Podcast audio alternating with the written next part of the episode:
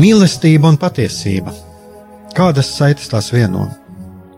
Mēs esam cieši saistīti pirmkārt ar sevi, ar savu būtību, un arī ar pārējo pasauli, ar līdzcilvēkiem, ar sabiedrību. Kur ir mūsu vieta šajā pasaulē? Kā mums katram atrast savu patieso aicinājumu un vietu? Kā sasniegt savas dzīves piepildījumu, mīlestību? Kādi šķēršļi gan mūsu sirdī un prātā sastopamie, gan ārējie aizķēso mūsu ceļu pie Dieva? Šie jautājumi ir mūsu dzīves sastāvdaļa, svarīgi mūsu ceļā uz svētumu. Meklēsim šajā raidījumā kopā atbildes uz šiem jautājumiem. Ieklausīsimies, ko Dievs mums vēlas pateikt ar visu, ko sastopam savā dzīvē. Lai mūsu sirds un prāti atveras mīlestībai un patiesībai, raidījums mīliet cits citu.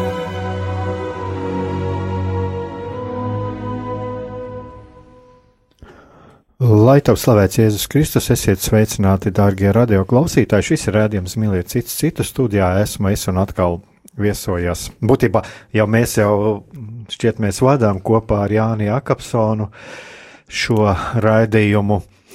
Un tātad esam studijā. Es, es Aigars Brikmans un Jānis Jakobsons, un šajā raidījumā mēs turpināsim, pamatā es domāju, jā, mēs turpināsim to tematu, ko mēs sākām Pagājušajā nedēļā tas ir par priecāšanos, ja pagājušajā nedēļā mēs vairāk runājam par naudu, par finansēm, un ka būtībā tas ir arī viens brīnišķīgs līdzeklis, ko Dievs mums ir devis, lai mēs iegūtu labas lietas, lai mēs arī varētu baudīt to, ko Dievs mums ir devis. Tad eh, šodien, es domāju, vairāk mēs runāsim par tādiem psiholoģiskiem, garīgiem aspektiem un arī par to, kas mums traucē priecāties un, un kā mums uh, nokļūt pie šī prieka avota.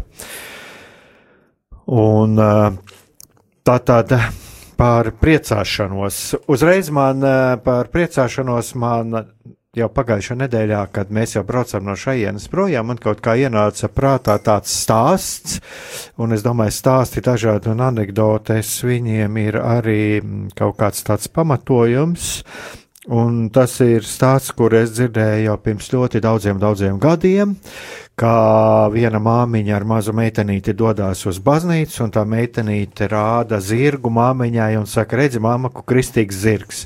Tā māma jautā, kāpēc viņš ir kristīgs? Nu, viņš tāds noskumis izskatās. Un uh, es domāju, ka tas diezgan labi arī parāda arī šodien parāda to, kā varbūt mēs paši kristieši skatāmies uz sevi, un iespējams arī bieži mūs citi tādus redz. Jā, tā, tā varētu gadīties, ka rodas šādas interpretācijas, varbūt dažbrīd skatoties uz, uz dažbrīd uz, uz, teiksim, uz kādu konkrētu kristiešu grupu vai kristiešiem, uh, kādiem atsevišķiem individiem, bet uh, mums ir, protams, jāpatur prātā tas fakts, ka neskatoties uz to, kādus, uh, teiksim, tādus uh, varbūt nepārāk pozitīvus piemērus cilvēki redz iekš mūsu ticības, jā, vai nu šos piemērus mēs paši radam, vai arī, vai arī rada kāds cilvēks no malas, mums vienmēr jāatcerās to, ka vislabāko piemēru mums ir atstājis Kristus, Un uh, Kristus, viņš ir atstājis mums uh, paraugu, kā dzīvot šo mūsu kristīgo dzīvi, un uh, Kristus mācēja priecāties, jā, un gal galā pats Kristus, viņš ir uh, prieka avots, līdz ar to mēs varam vienmēr, mums ir tā privilēģija, kā kristiešiem, atšķirībā no citām reliģijām, mums ir privilēģija vienmēr atgriezties pie Dieva, vienmēr piedzīvot šo te iekšējo prieku, kas ir pats Kristus mūsos, gan ar izlīgšanu ar Dievu tātad grēksūdas sakramentā, gan pieņemot svēto komuniju, gan arī vienkārši sastopot Dievu lūkšanā. Un tādā veidā mums ir dota visa dzīve, lai mēs sevi, varētu teikt, audzētu, jeb audzinātu šo te prieku, un ka mēs varētu dot pasaulē citu piemēru, lai uz mums cilvēki neskatītos un neteiktu, ka, lūk, šie cilvēki, viņi ir bēdīgi, bet tieši otrādi.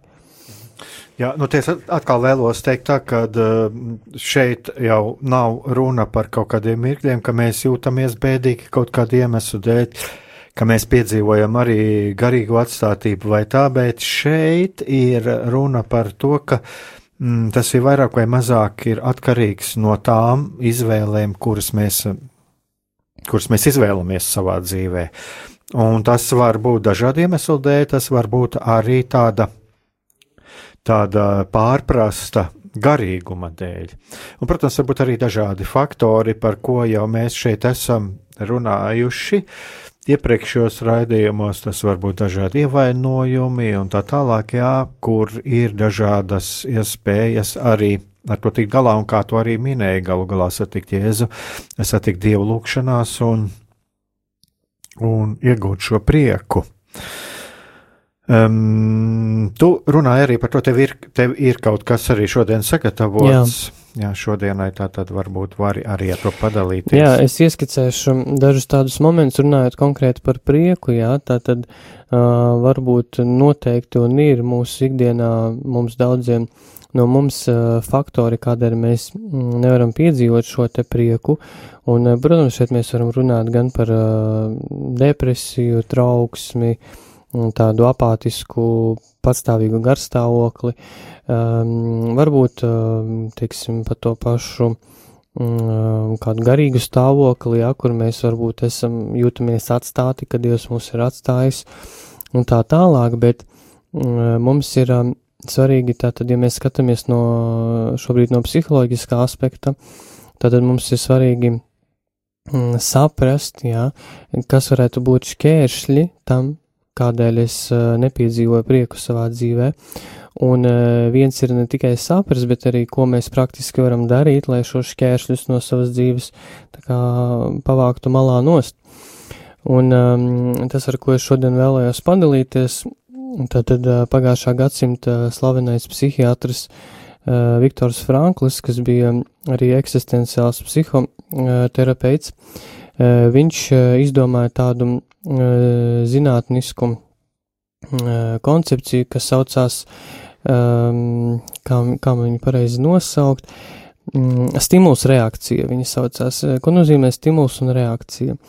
Tas nozīmē to, ka um, es jau biju vienā no mūsu raidījumiem stāstījis, respektīvi, kad mums atnāk kāda doma, uh, tālāk pēc šīs domas seko emocija, tas, kā mēs interpretējam kaut kādas ziņas, kaut kādu domu mūsu prātā, tas mūsos rada emociju. Respektīvi, ja uz mani kāds tagad sāktu apsaukāties, jā, es paliktu dusmīgs, tātad dusmu emocija, un man sekotu rīcība. Mana rīcība būtu, vai nu es viņam runātu pretī, vai nu es paklusētu, vai nu es pagrieztos aiziet prom, vai nu es uh, paliktu agresīvs.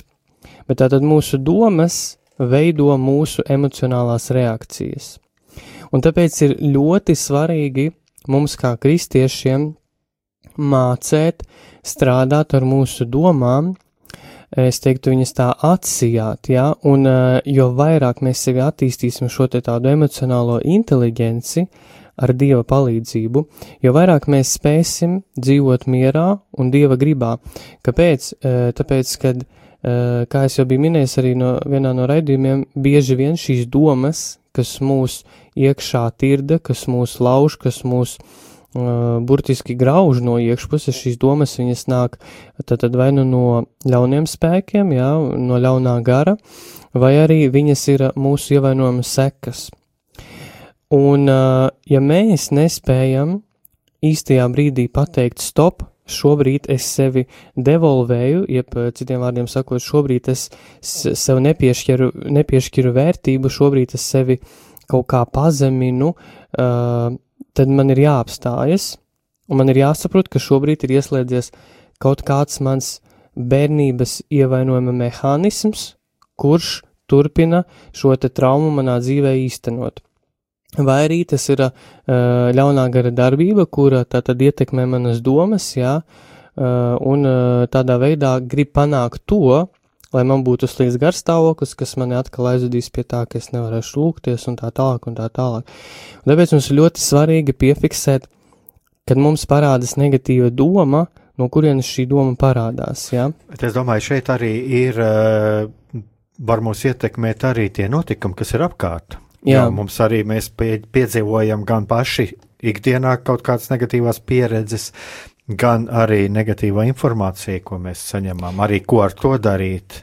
Jā, svarīgi ir tas, kā mēs uz to reaģējam, jo būtībā mēs, mēs piešķiram kaut kādiem notikumiem tādu vērtību, uh, kādu mēs esam pieraduši piešķirt. Ja, ja mēs mācāmies skatīties uz lietām vairāk neitrālāk, un es teiktu pat ar dieva acīm, jā, tad mēs tik asi neustvers, neustversim ikdienas notikumus, kā rezultātā viņi mūs neparalizēs.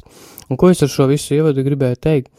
Tātad uh, ir ļoti svarīgi nofiksēt šīs domas, kas mūsos notiek, un svarīgi ir uh, tātad uh, praktiska rīcība, kā mēs varam sev palīdzēt. Viens ir tas, ka mēs piefiksējam domas, bet otrs tas, ka mēs ieturam pauzi. Tātad mēs nereaģējam impulsīvi uz kaut kādām ļoti izaicinošām domām vai pat notikumiem. Ja man atnāk kāds svarīgs notikums, vai tas būtu labs vai slikts, viņš manī izraisīs ļoti lielas emocijas. Vai nu pozitīvas, vai nu negatīvas emocijas. Kaut gan es uzskatu, ka negatīvu emociju nav, bet ņemsim to tā pozitīvas un negatīvas emocijas. Un man svarīgi, tad, kad es saņemu šo informāciju, šeit un tagad uzreiz nereaģēt, bet drusku tā kā piepauzēt. Un tā ir tā pauze, par kuru runā Viktors Franklis. Viņš saka, ka tā tad starp mūsu stimulu, jeb mūsu domām un reakciju ir kāds mazs posmiņš, tad pussekunde, varbūt sekunde, un tā ir tā zelta pauze, kurā ir mūsu izaugsme. Un ja mēs iemācāmies šīs pauzes ietvaros apstāties un uzreiz nereaģēt, tad mēs varam pieņemt pareizus lēmumus. Un, um, jā, tālāk es, es, es vēl padalīšos, kā mēs šo pauzi varam tālāk ieviest mūsu dzīvē, tādā daudz plašākā redzējumā.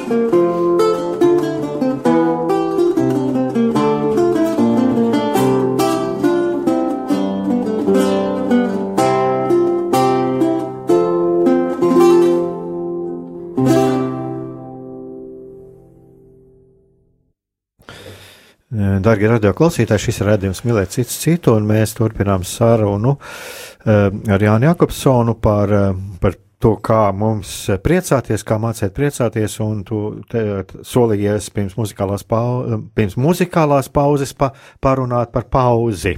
Mhm, jā, nu, tā tad es vēlreiz tā īsumā paprovēšu, paskaidrot to savu domu, varbūt viņa nebija tik, tik uzreiz uztverama viegli. Uh, Tas, ko es vēlos pateikt, ka mums kā kristiešiem un jebkuram cilvēkam ceļā uz prieku uh, ir dažādi šķēršļi. Mums ir jāsaprot, kas ir šie par šķēršļiem, vai tie ir mūsu radīti, vai tie ir kaut kādu ārēju faktoru radīti šķēršļi, vai arī tie ir garīga rakstura šķēršļi.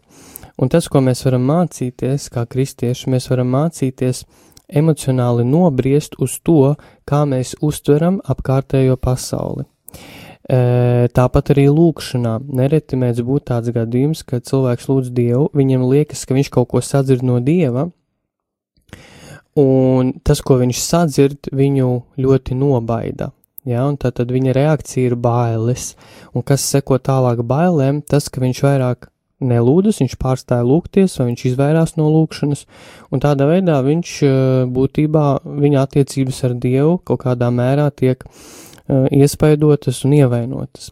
Bet, ja šis cilvēks uzreiz tā nereaģētu uz to, kas viņam likās, kas viņam ienāk prātā, ja viņš uh, spētu tā kā tādu paņemt nelielu pauzīti un tad padomāt, vai tiešām tas ir no dieva, tad viņam būtu cita reakcija un arī cits iznākums visam tam, ko viņš savā lūkšanā it kā ir dzirdējis. Un tātad runājot par šo pauzi, mums ir ļoti svarīgi iemācīties mūsu dzīvē ņemt garas pauzes. Garas pauzes, kuras uh, skar uh, svarīgus lēmumus, svarīgu lēmumu pieņemšanu, Um, kad mēs domājam par, teiksim, varbūt mēs meklējam jaunu darbu, vai mēs vēlamies iestāties kādā mācību iestādē, vai mēs vēlamies pārtraukt kaut kādas attiecības, vai arī mēs vēlam, vēlamies pamainīt mūsu lūkšanu dzīvi, mums ir svarīgi paņemt tādas garas pauzes, pirms mēs pieņemam lēmumus. Un tas ir arī attiecībās ar mūsu līdzcilvēkiem. Pirms mēs vēlamies viņiem kaut ko pateikt, Varbūt paņemt pauzi un padomāt, vai tiešām tas, ko es šobrīd teikšu, nāks par labu mums. Varbūt ir vajadzīgs laiks, kamēr es nobriestu uh, tam, ko es vēlos pateikt, un varbūt ir vajadzīgs laiks otram cilvēkam, kad viņš ir gatavs to sadzirdēt.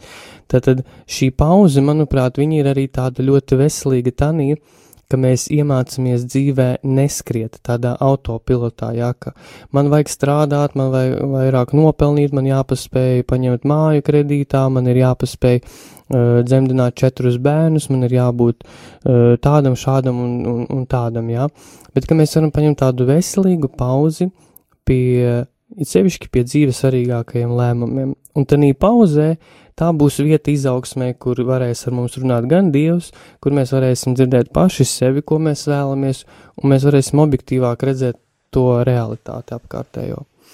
Tas, ja tā mēs kopsavilkumu izdarām, arī, jā, lai neizdarītu tādus eh, nepārdomātus lēmumus, nepārdomātus lēmumus, un kas arī ļoti svarīgi ir eh, To, ka tu minēji arī par kaut kādu lēmumu pieņemšanu, ja kad eh, šie emocionāli ietekmē tie lēmumi, vai, ja mēs paskatāmies arī tālāk, piemēram, pēc Ignāciskā, uh, Ignāciskā ieteikuma, tad arī šajā garīgā sastāvības brīdī nepieņemt šos lēmumus. Tā ir tā viena puse. Jā, tas Jā. ir ļoti svarīgi. Eh, un, un otrs ir arī tad, kad ir šī to, ko es saucu par emocionālo vētru. Kādu, ja tā ir vajadzīgs šis sirds klusums, bet ir vajadzīga arī šī dieva klātbūtne, sajust šo dieva klātbūtni, ko tiešām dievs saka, un tad mēs arī varam pieņemt šos lēmumus. Jā, vēl, vēl arī ļoti tāds svarīgs moments, es teiktu, ka viņš pat ir ļoti, ļoti svarīgs moments, ir tāds, kad um, kā mēs jau bijām runājuši mm, vienā no raidījumiem par iekšējo bērnu, ja mums bērnībā ir bijušas konkrētas uh, traumatiskas epizodes, tad uh, neapzināti mēs turpinam, um, vispār zinātniski ir uh, izpētīts, ka 90% no tā, ko mēs darām mūsu dzīvē, ir uh, neapzināti. Ja? Respektīvi, tas nāk vairāk no zemapziņas nekā apzināti. Apzināti mēs darām tikai 10-15%. Tas nozīmē, ka viss tas, kas ir mūsu zemapziņā, ko mēs neapzināmies par sevi, tas ļoti ietekmē mūsu ikdienu. Un, uh, ja mēs tā paskatāmies, ja mēs sev katrs uzdot jautājumu, kas ir tās jomas vai kas ir tās problēmas, kuras manā dzīvē atkārtojas ļoti bieži vai periodiski, bet viņas atkārtojas un viņas man pēc tam maksā ļoti lielu cenu, ļoti smagu cenu. Kas ir tās lietas, kuras tā kā, nu, it kā kāds būtu ieprogrammējis, ja, ka viņas notiek un viss. Un tad, kad mēs paskatīsimies, kas, kas ir šīs lietas, ja, kas mūsu dzīvē atkal un atkal notiek, mēs varam es uzdot jautājumu pirmkārt, kāpēc tas tā notiek, tad mēs par, pamanīsim ļoti tādu svarīgu momentu, ka šīs lietas, uh, viņas tiek radītas, tātad, nu, atkal vai nu mūsu kaut kādas uzvedības rezultātā, vai nu mēs provocējam apkārtējos cilvēkus pret mums tā uzvesties. Un tas, kāpēc mēs to darām, atkal šeit ir mūsu neapzinātie zemapziņas procesi, un tas, ko mēs varam darīt, mēs varam nākamreiz kad mēs jau tā kā pamanam, ka tuvojās atkal tāda pati situācija, ka es atkal kāpju uz veciem grābekļiem, es varu apstāties un rīkoties pretēji. Uzreiz uh, tas nesanāks simtprocentīgi, bet mēs to varam mācīties kā treniņu, un tad, kad mēs arvien vairāk, un es teiktu ātrāk, pamanīsim, to varētu salīdzināt ar tādu piemēru, ka mēs redzam ienaidnieku no tālienes, jā, ienaidnieks tas ir kaut kas, ko mēs paši sev nodaram, un ja mēs zinām, ka šis ienaidnieks, pieņemsim, pieņemsim tādu piemēru, piekdienas vakarā, e, vīrietis zina, ka viņš e, būs noguris no darba, un uh, viņš aizies, tātad iedzers dažas glāzes, teiksim, tur alus, bet beig beigās viņš zina, ka viņš piedzerās, un tad no rīta sestdienā viņam ir slikti, jā, un uh, viņš savu maku ir pazaudējis, naudu ir pazaudējis un tā tālāk. Un ja tu zini, kā tu savā dzīvē dari konkrētas lietas atkal un atkal, tad tu jau šo ienaidnieku pazīsti. Un tas, tev, kas tev ir nepieciešams, ka tu laicīgi šo ienaidnieku ieraugi, un ka tu spēj spērt vienu soli pam, uz malu no šī ienaidnieka, lai tu ne, neatkārtotu tās iepriekšējās kļūdas, kuras tu jau esi bijis darījis. Un tādā veidā mēs novēršam šos te mūsu neapzinātos procesus, ar kuriem mēs paši sev ievedam ciešanās. Tāpēc arī nereti, kad uh, cilvēki vienalga ticīgs vai neticīgs saka, es nejūtu prieku vai manā dzīvē nav prieka, var sev uzdot ļoti labu jautājumu kā es pats šo prieku sev atņemu, caur kādām rīcībām, uz kādiem grābekļiem es atkal kāpju atkal un atkal, jā, un uh, labākais šajā visā ir tas, ka es varu nekāpt uz šiem grābekļiem. Tam ir vajadzīgs treniņš, tam ir vajadzīgs laiks, bet es varu iemācīties nedarīt atkal un atkal tās lietas, caur kurām es pats sevi sāpinu. Un gal galā jau ir šī pieredze. Tātad tas jau arī, ko tu teici, cilvēks jau zina, ir šī pieredze. Un uh, un uh, netuvoties šai lietai, netuvoties tam, kas var, kā ja es sapratu pareizi, arī netuvoties, ja man šī pieredze bijusi, un kad redzu atkal šis ienaidnieks ir, tad netuvoties. Man te mazliet nāk uh, tāds atgādinājums, ir tāds Ivars Austers, kurš, kurš arī psihologs, uh, viņa lekcijas var dabūt YouTube, un tur viņam ir arī šis stāsts par uh, sveceļojumu, kur mēs dodamies uz kādu skaistu pilsētu, un tad redzam tur tālumā pilsētu, tuvāk kroks, tāds maziņš, maziņš, un no sākuma mums liekas, ka, nu, nu tas kroks tas mums neinteresē, mēs iesim tālāk. Nu, jo tuvāk mēs ejam, jo vairāk mēs dzirdam mūziku, smāžas un tā tālāk, ja, un ka, lūk, šis ir tas kritiskais moments, ja, kur tad mēs pagriezīsimies, vai mēs turpināsim ceļu, ja, vai mēs mēģināsim ieiet dialogā ar to, kas mūs kārdina, un, nu, ieies tajā krogā un nekas nebūs. Ja. Tā ir, es domāju, arī tā ir viena ļoti būtiska lieta neielaisties dialogā uh, ar kārdinātāju. Ar kārdinātāju, un es teiktu arī noteikti ar mūsu uh, to mm, tādu emocionālo daļu, kuru, kuru, kuru mēs varbūt vēl nemākam īsti kontrolēt, jo, ja mēs pakļausimies kaut kādiem emocionāliem procesiem, kur ir destruktīvi mūsu dzīvē, tad, tad viņi mūs vienkārši aprīs, ja mēs nezinām, kā vēl stāties viņiem pretī.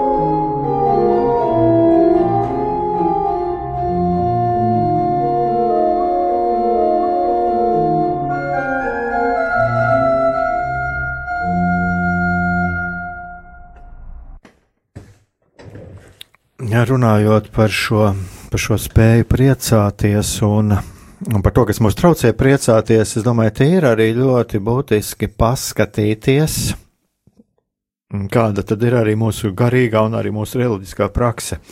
Jo mēs jau ļoti daudz esam lasījuši, kas mēs esam baznīcā, kas esam baznīcā, dodamies uz svētajām misēm, dzirdam, lasam svētos rakstus. Un, tam, piemēram, mums ir, es domāju, ka diezgan skaidri ir par Mārka evaņģēlī desmitā nodaļa par šo bagāto jaunekli kur Jēzus aicināja pie sevis, bet kurš bija noskumis, jo viņš bija bagāts, viņam Viņš nevēlējās atstāt šo mantu, un e, kā jau, ja jūs dzirdējāt pagājušā rēdījumā, tad jau arī jāsaprot to, ka to nav gluži vienmēr tā burtiski jāsaprot.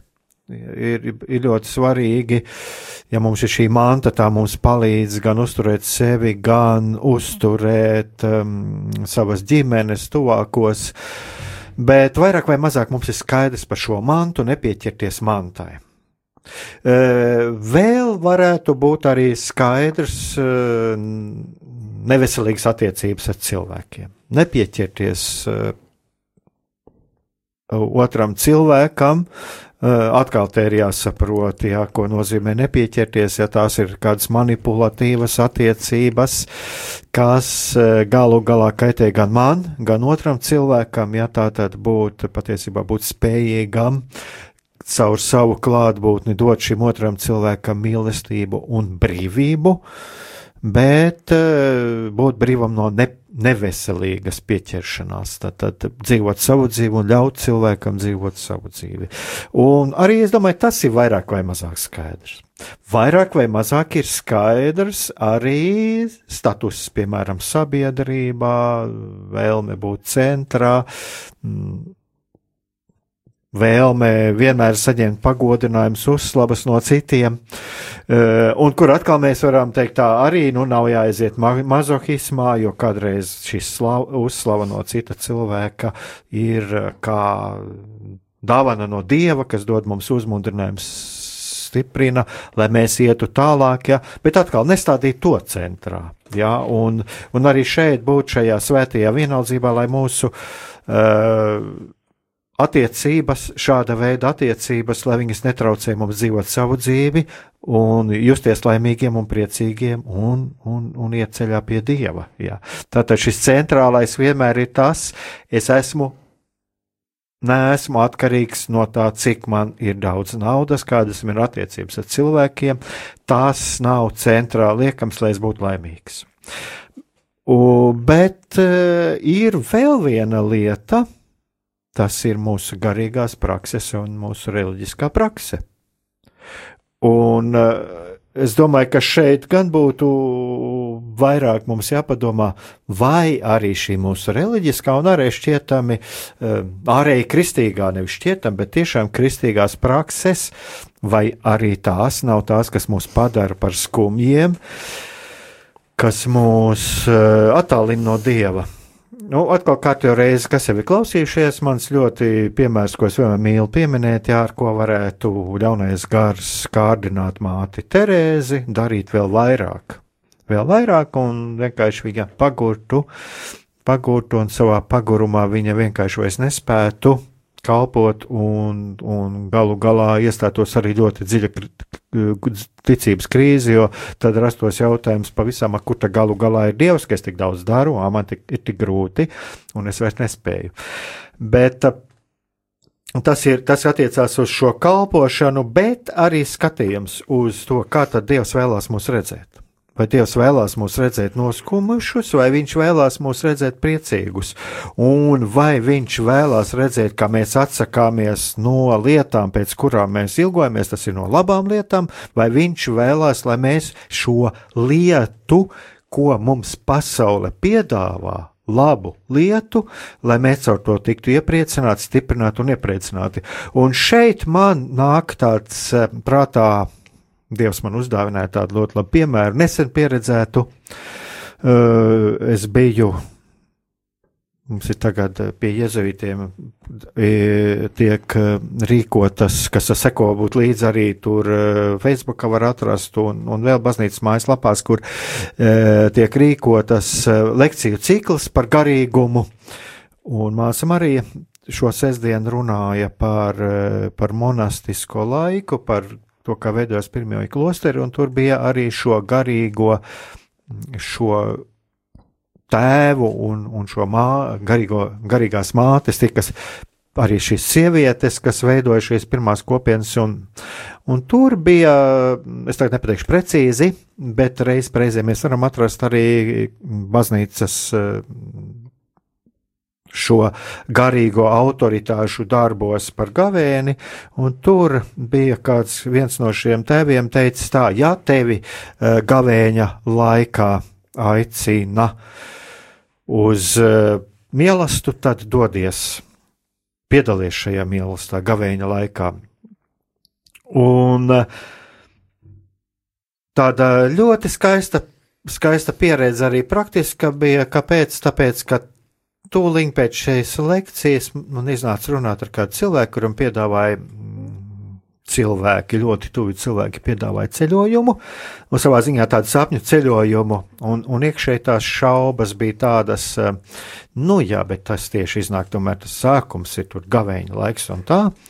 Un, un man kaut kā uzreiz bija tas piemērs, ja, kurus varbūt bija dzirdējis, nu varbūt pat stunda nebija pagājusi. Ja.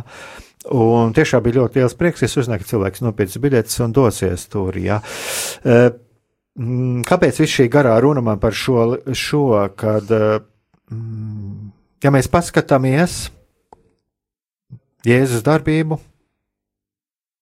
man vienmēr ir šīs vārpas sabatā, eh, dziedināšana sabatā, ka patiesībā šīs reliģiskās formas, kas mums atgādina par Dievu, kas atgādina par, arī par Jēzus ciešanām, par Dieva mīlestību, kas mums kaut kādā veidā palīdz disciplinēt sevi garīgi, fiziski, arī visas šīs askēzes, kas pašas par sevi ir domātas nevis gavēnis eh, vai askēze, gavēņa vai askēzes dēļ, bet mūsu labā.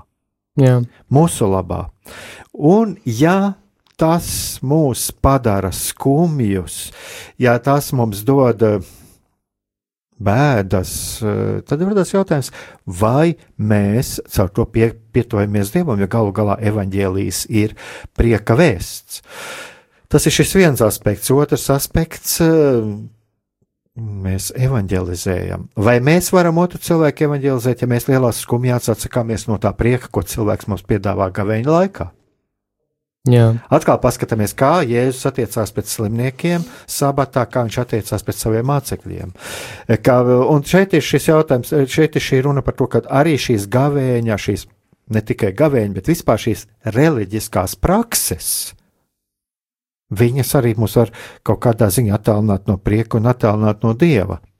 Un atkal es šeit gribu teikt, es neaicinu atteikties no gavēņas, neaicinu, neaicinu atteikties no šīm reliģiskām praksēm. Šeit es domāju, vairāk ir tas, ka pirmkārt atrast to piemērēto kā lūkšanu veidu un arī šo reliģisko praksi piemērotu sev, kas dod jēgu Jā. manai garīgajai dzīvei, kas dod man stiprinājumu un iepriecinājumu, jo tā prakse, mums šī reliģiskā praksa ir vajadzīga, tas ir viens, un otrs, lai mēs nekļūtu par šī kaut kāda uh, likuma, uh, kaut kāda pārprasta kanona vergiem.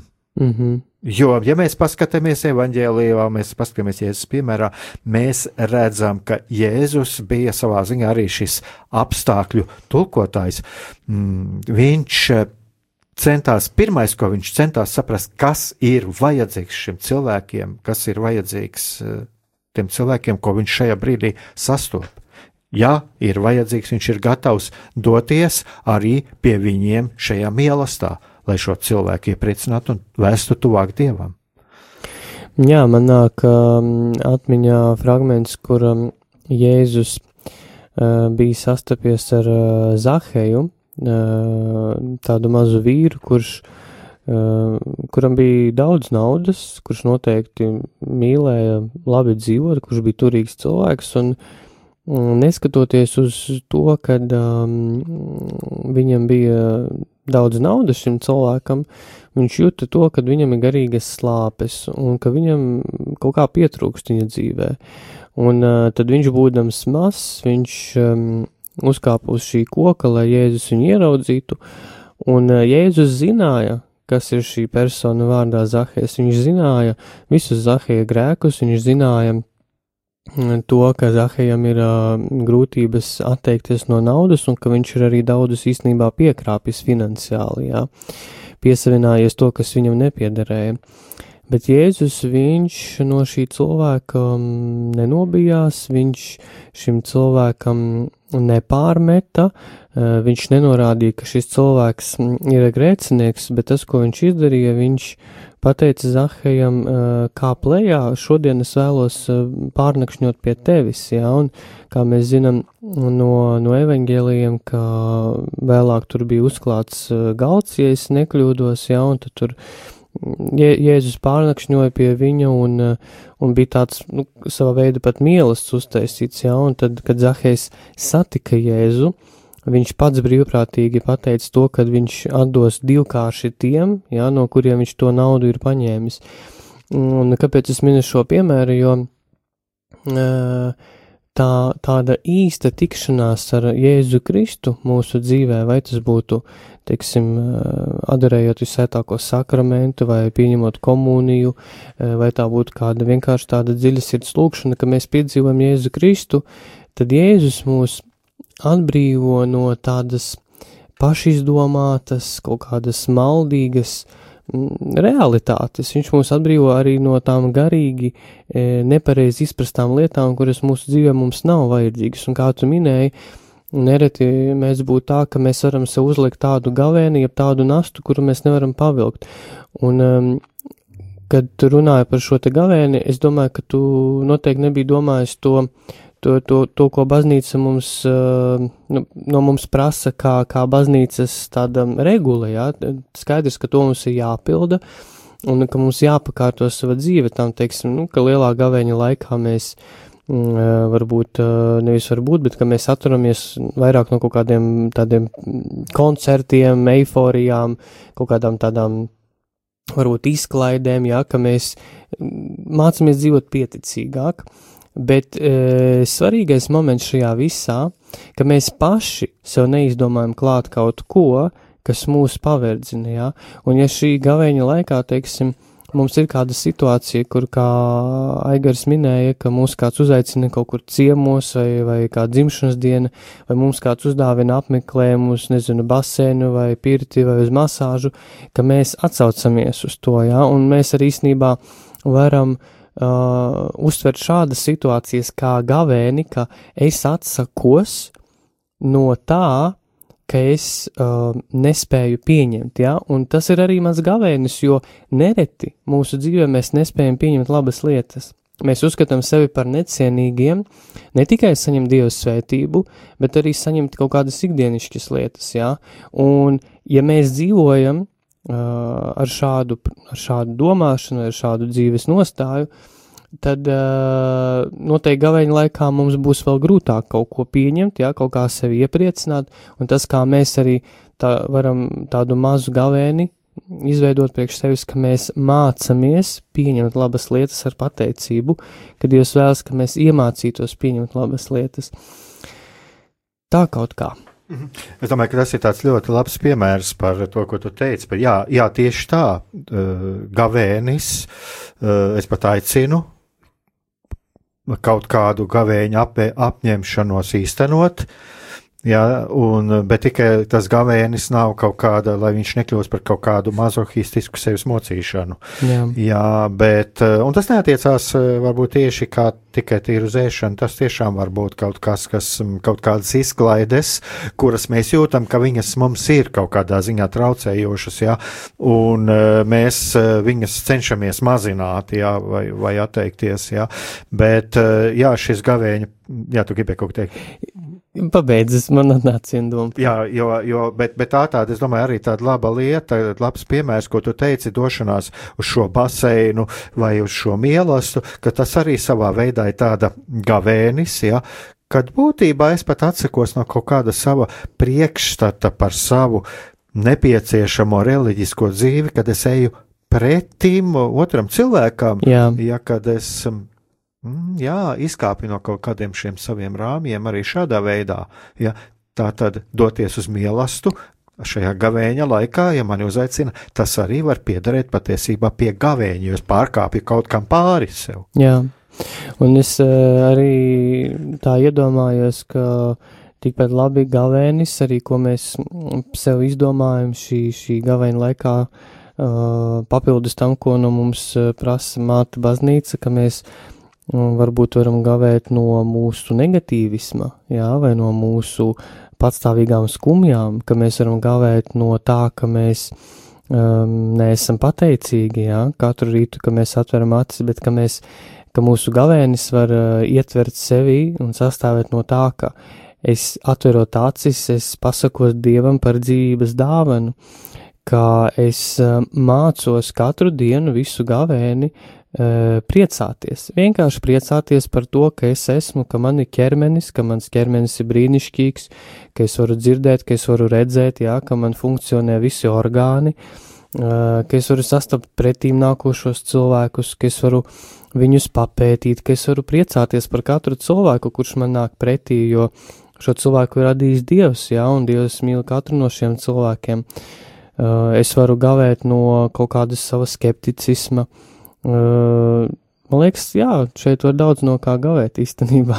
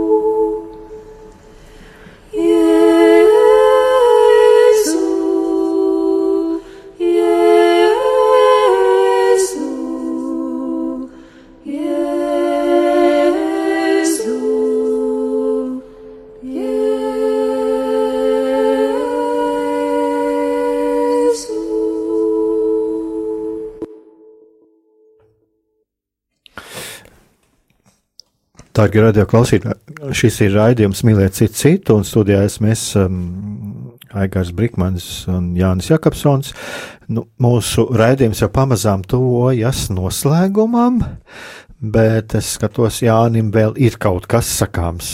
Jā, es vēlēs arī minēt par um, tādu svarīgu momentu, ka mēs kā katoļticīgiem, uh, mēs ejam uz grēksūdzi un um, manuprāt, šeit ir kāds ļoti svarīgs tāds gan psiholoģisks, gan arī garīgs aspekts, ka uh, nereti, proti, kad mēs ejam uz grēksūdzi, e, priesteris, pie kura mēs sūdzam grēkus, viņš, viņš mūs var personīgi nepazīt, jā, um, vai arī mēs viņu.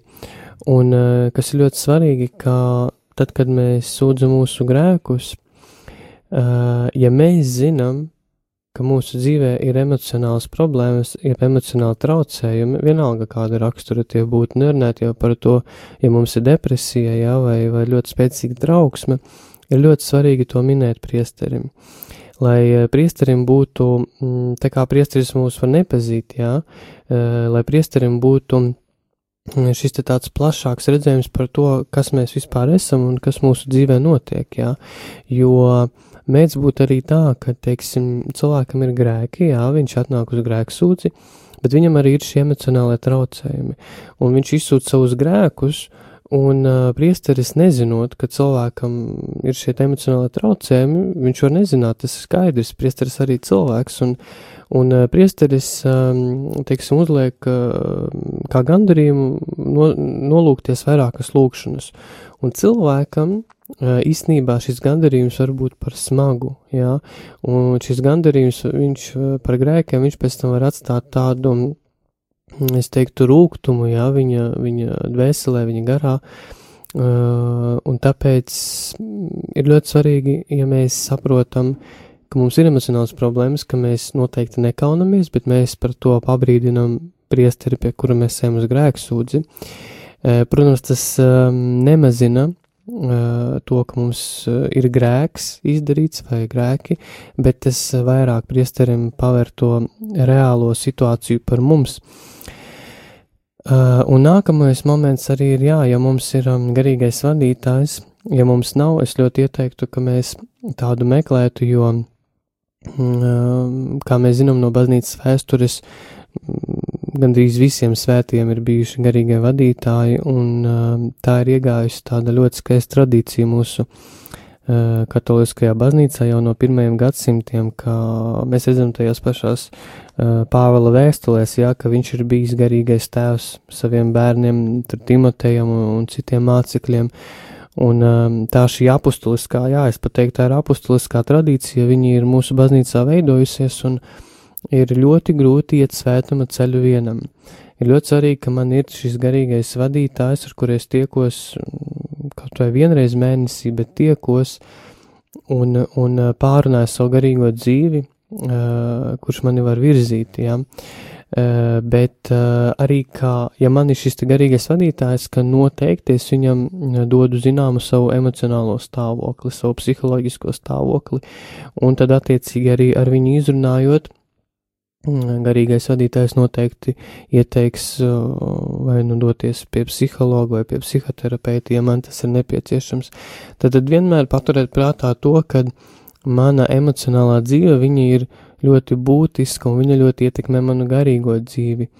Uh, un tāpēc ir svarīgi par viņu parūpēties, jo, ja mēs atstāsim novārtā šo emocionālo mūsu sfēru, mūsu psiholoģisko sfēru, uh, tad cietīs mūsu garīgā dzīve un arī var ciest mūsu attiecības ar kungu. Jā. Tā tad uh, ir vajadzīgs uh, būt atvērtiem, saņemt arī šo, šo palīdzību, šo garīgo palīdzību no kāda cilvēka, kurš šajā garīgajā ceļā ir gatavs būt blakus.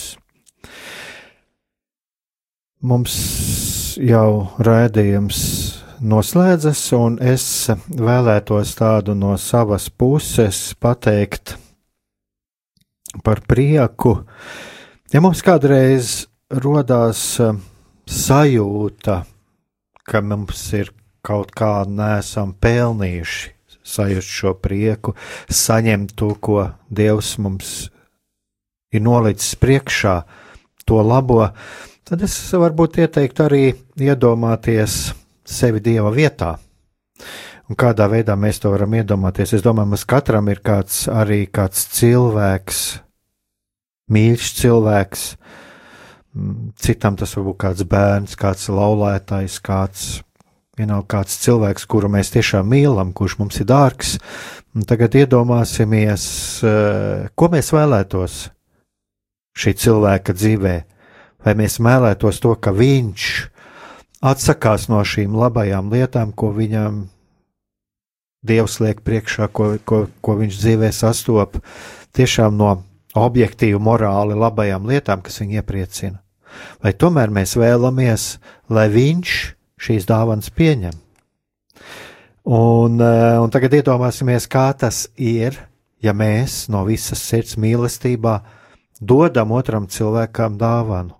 Ko mēs vēlamies? Vai mēs vēlamies, lai šis cilvēks šo dāvanu no mums paņem, šo mīlestības dāvanu, vai arī lai, lai viņš mūs atstumtu?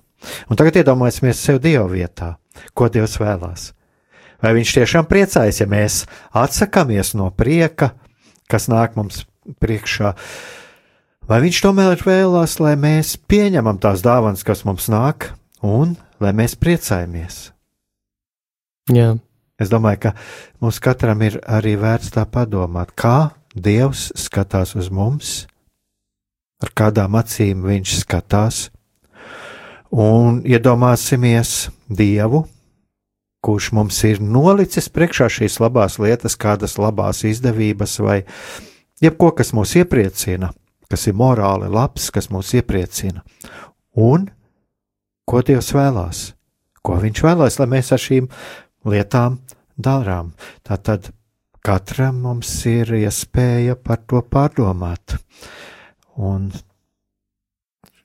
mūsu raidījums tiešām ir nonācis līdz noslēgumam, un atliek tikai novēlēt, lai tiešām mēs katrs savā dzīvē izbaudām patiesu stiprinājumu un patiesu prieku, un lai mēs to justu šī prieka klātbūtni un šo dievu klātbūtni patiesībā visās savas dzīves situācijās.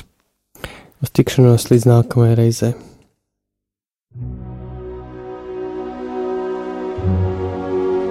Mīlestība un patiesība.